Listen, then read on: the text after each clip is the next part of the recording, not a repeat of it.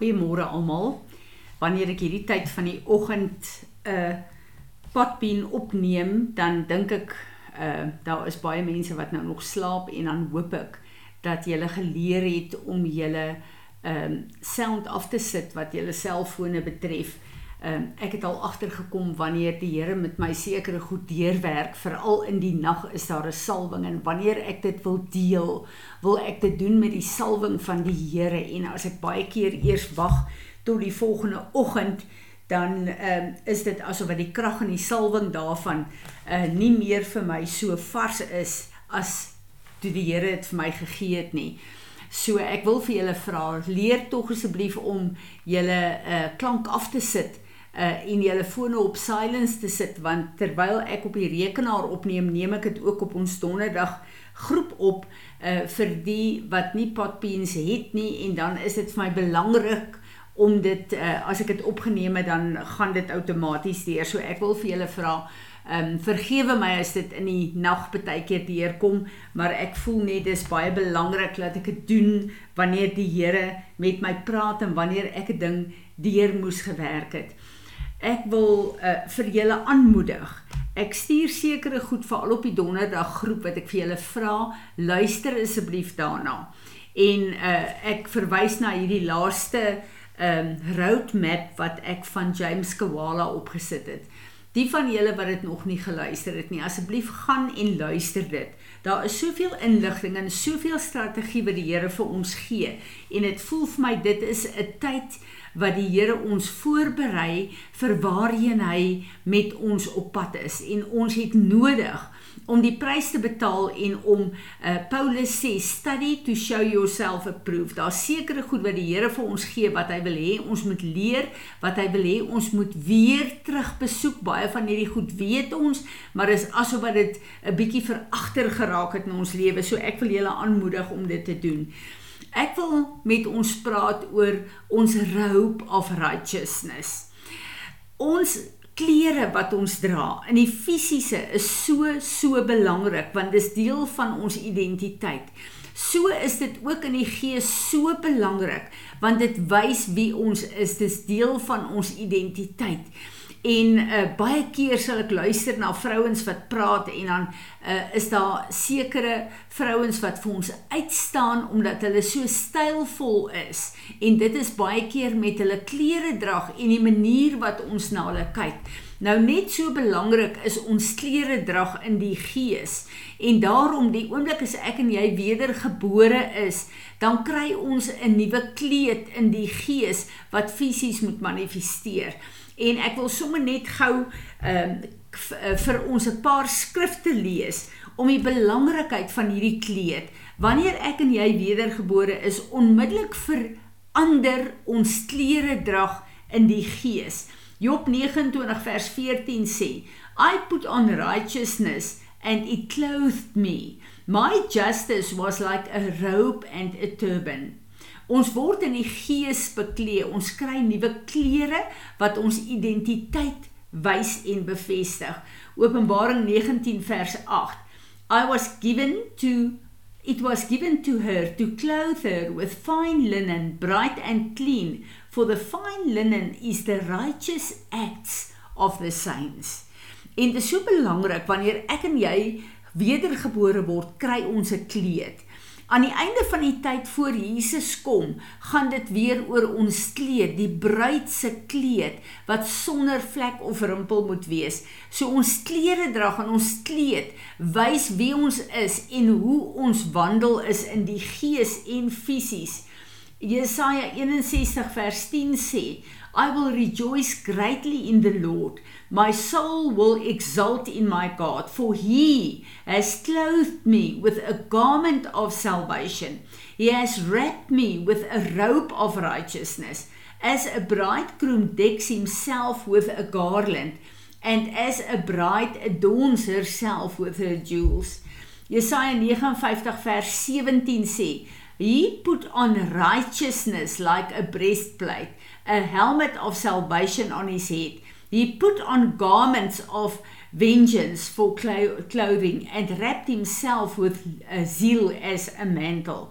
Ons weet dat ons wapenrusting wat ons in die gees kry, is deel van ons klere, van ons robe of righteousness. Wanneer ons die robe of righteousness aan het, dan kan ons die wapenrusting van God effektief gebruik. Psalm 132 vers 9 Let your priest be clothed with righteousness and let your godly ones sing for joy. Sagaria 3 vers 4 die bekende uh, plek waar Josua die hoëpriester voor God moes staan.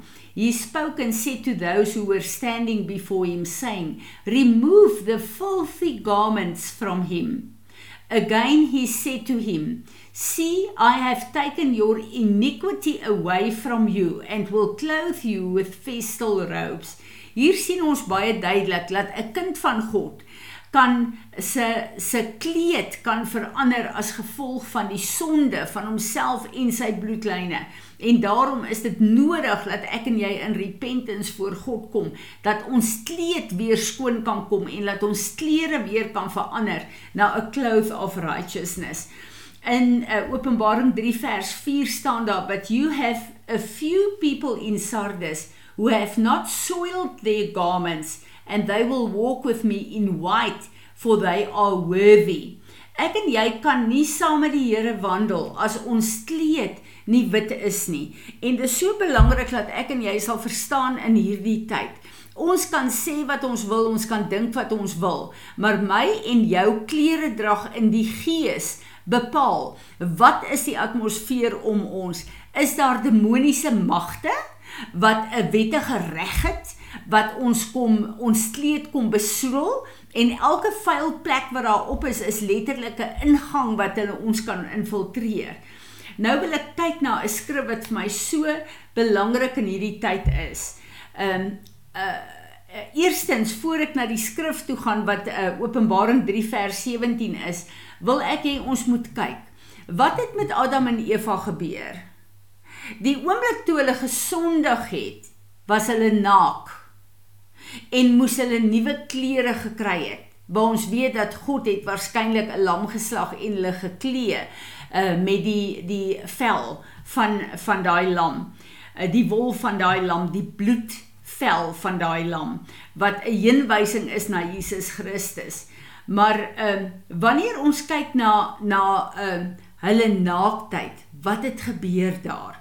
Hulle was die oomblik toe hulle gesondig het, is hulle glorie waarmee hulle bekleed was, hulle righteousness verwyder en hulle was naak gewees. En God moes hulle kleed. Jesus se werk waar hy geslag is die lam voor die grondlegging van die wêreld moes in werking kom reeds in die tuin van Eden want hulle moes bekleed word met geregtigheid hulle was naak geweest Nou as ons kyk na hierdie skrif in Openbaring 3 vers 17 wat Jesus vir die kerk sê, because you say I am rich, I have prospered, I have grown wealthy and I have need of nothing. Hierdie is 'n gevaarlike plek om te wees julle. As jy dink alles gaan goed met jou en jy het niks nodig nie.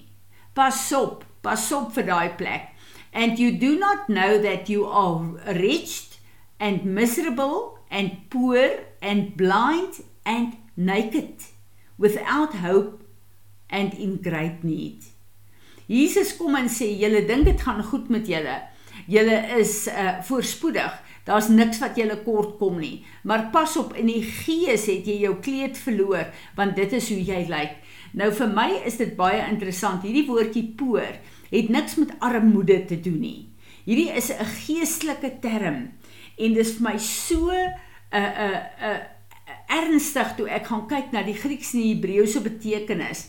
Hierdie woord poor beteken uh through the idea of causing to fall through that of causing to fly away. Uh 4072 staan daar through the idea of a lightning to fall literally or figuratively to fail to fall to light down Uh hierdie is dieselfde term wat gebruik is toe Satan uh Lucifer uit die hemel uitgewerp is. En dan die die uh uh root word 4434 beteken letterlik jy is besig om van honger te sterf. Honger van God en van sy woord.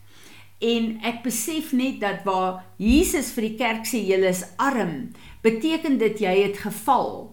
Jy het so Satan geval van my heerlikheid af en jy is arm. Jy het nie my woord as kos nie. Jy is nie meer in my geposisioneer nie.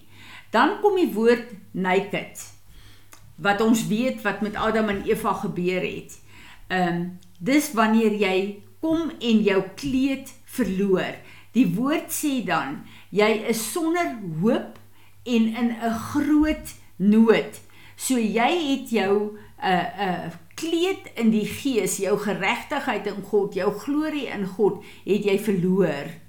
En nou het die vyand toe toegang tot jou. Jy's naak in die gees. Jy het nie die geregtigheid van Christus meer om jou te beklee nie.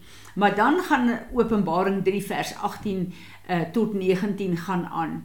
I counsel you to buy from me gold that has been heated red hot and refined by fire, so that you may become truly rich, and white clothes representing righteousness to clothe you, so that the shame of your nakedness will not be seen, and healing salve will be put on your eyes that you may see.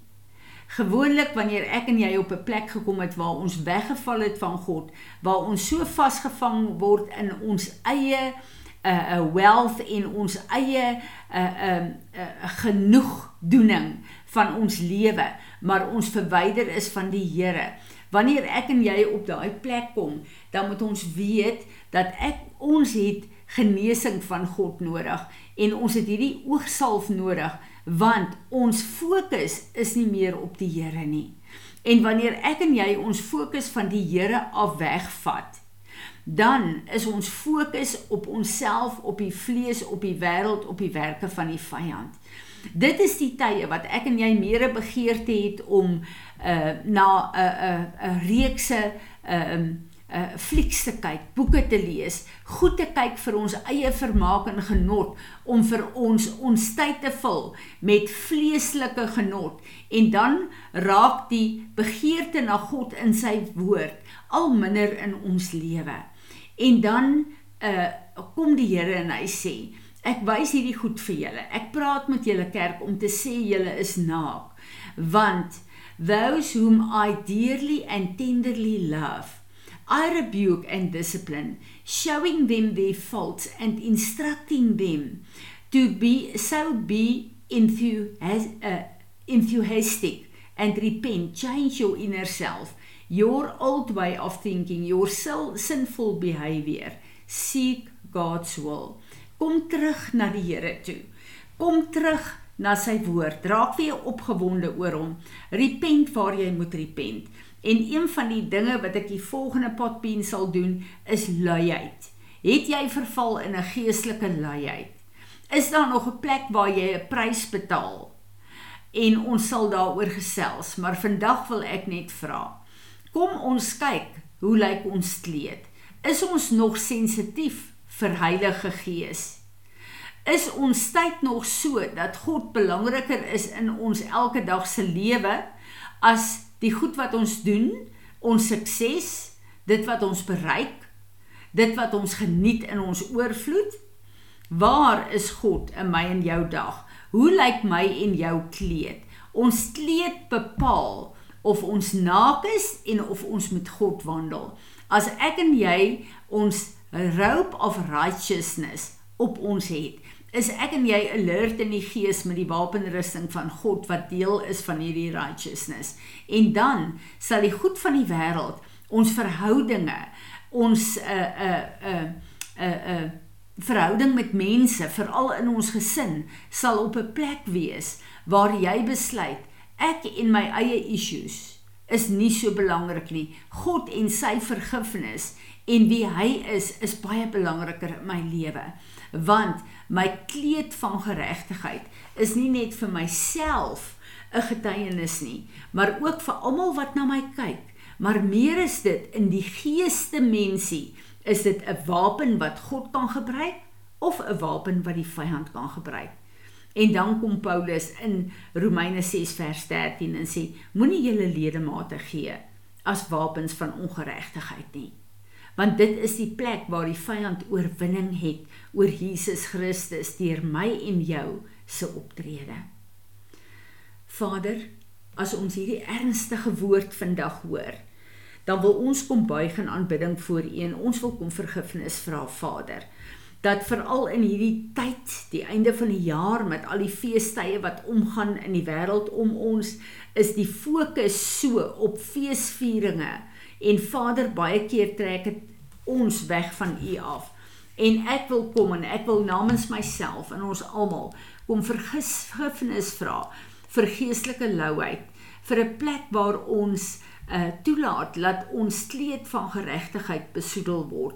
En ek wil vandag vra Here dat U elke een van ons sal help, Heilige Gees, om die gewig van die verkeerde goed in ons lewe raak te sien, ons sensitief vir U te wees en dat U deur U genade elke een van ons na 'n plek toe sal vat op die einde van hierdie Gregorian jaar waar ons U sal toelaat om ons te toets, Here, dat ons kan oorstap volgende week die einde van hierdie week in 'n plek in waar U die regmatige plek in ons lewe en in ons tyd en in ons verhouding sal hê wat U toe kom. Here Jesus, dankie dat U die volmaakte offer is tot in alle ewigheid. Dankie dat U bloed daar is vir ons elke dag. Amen.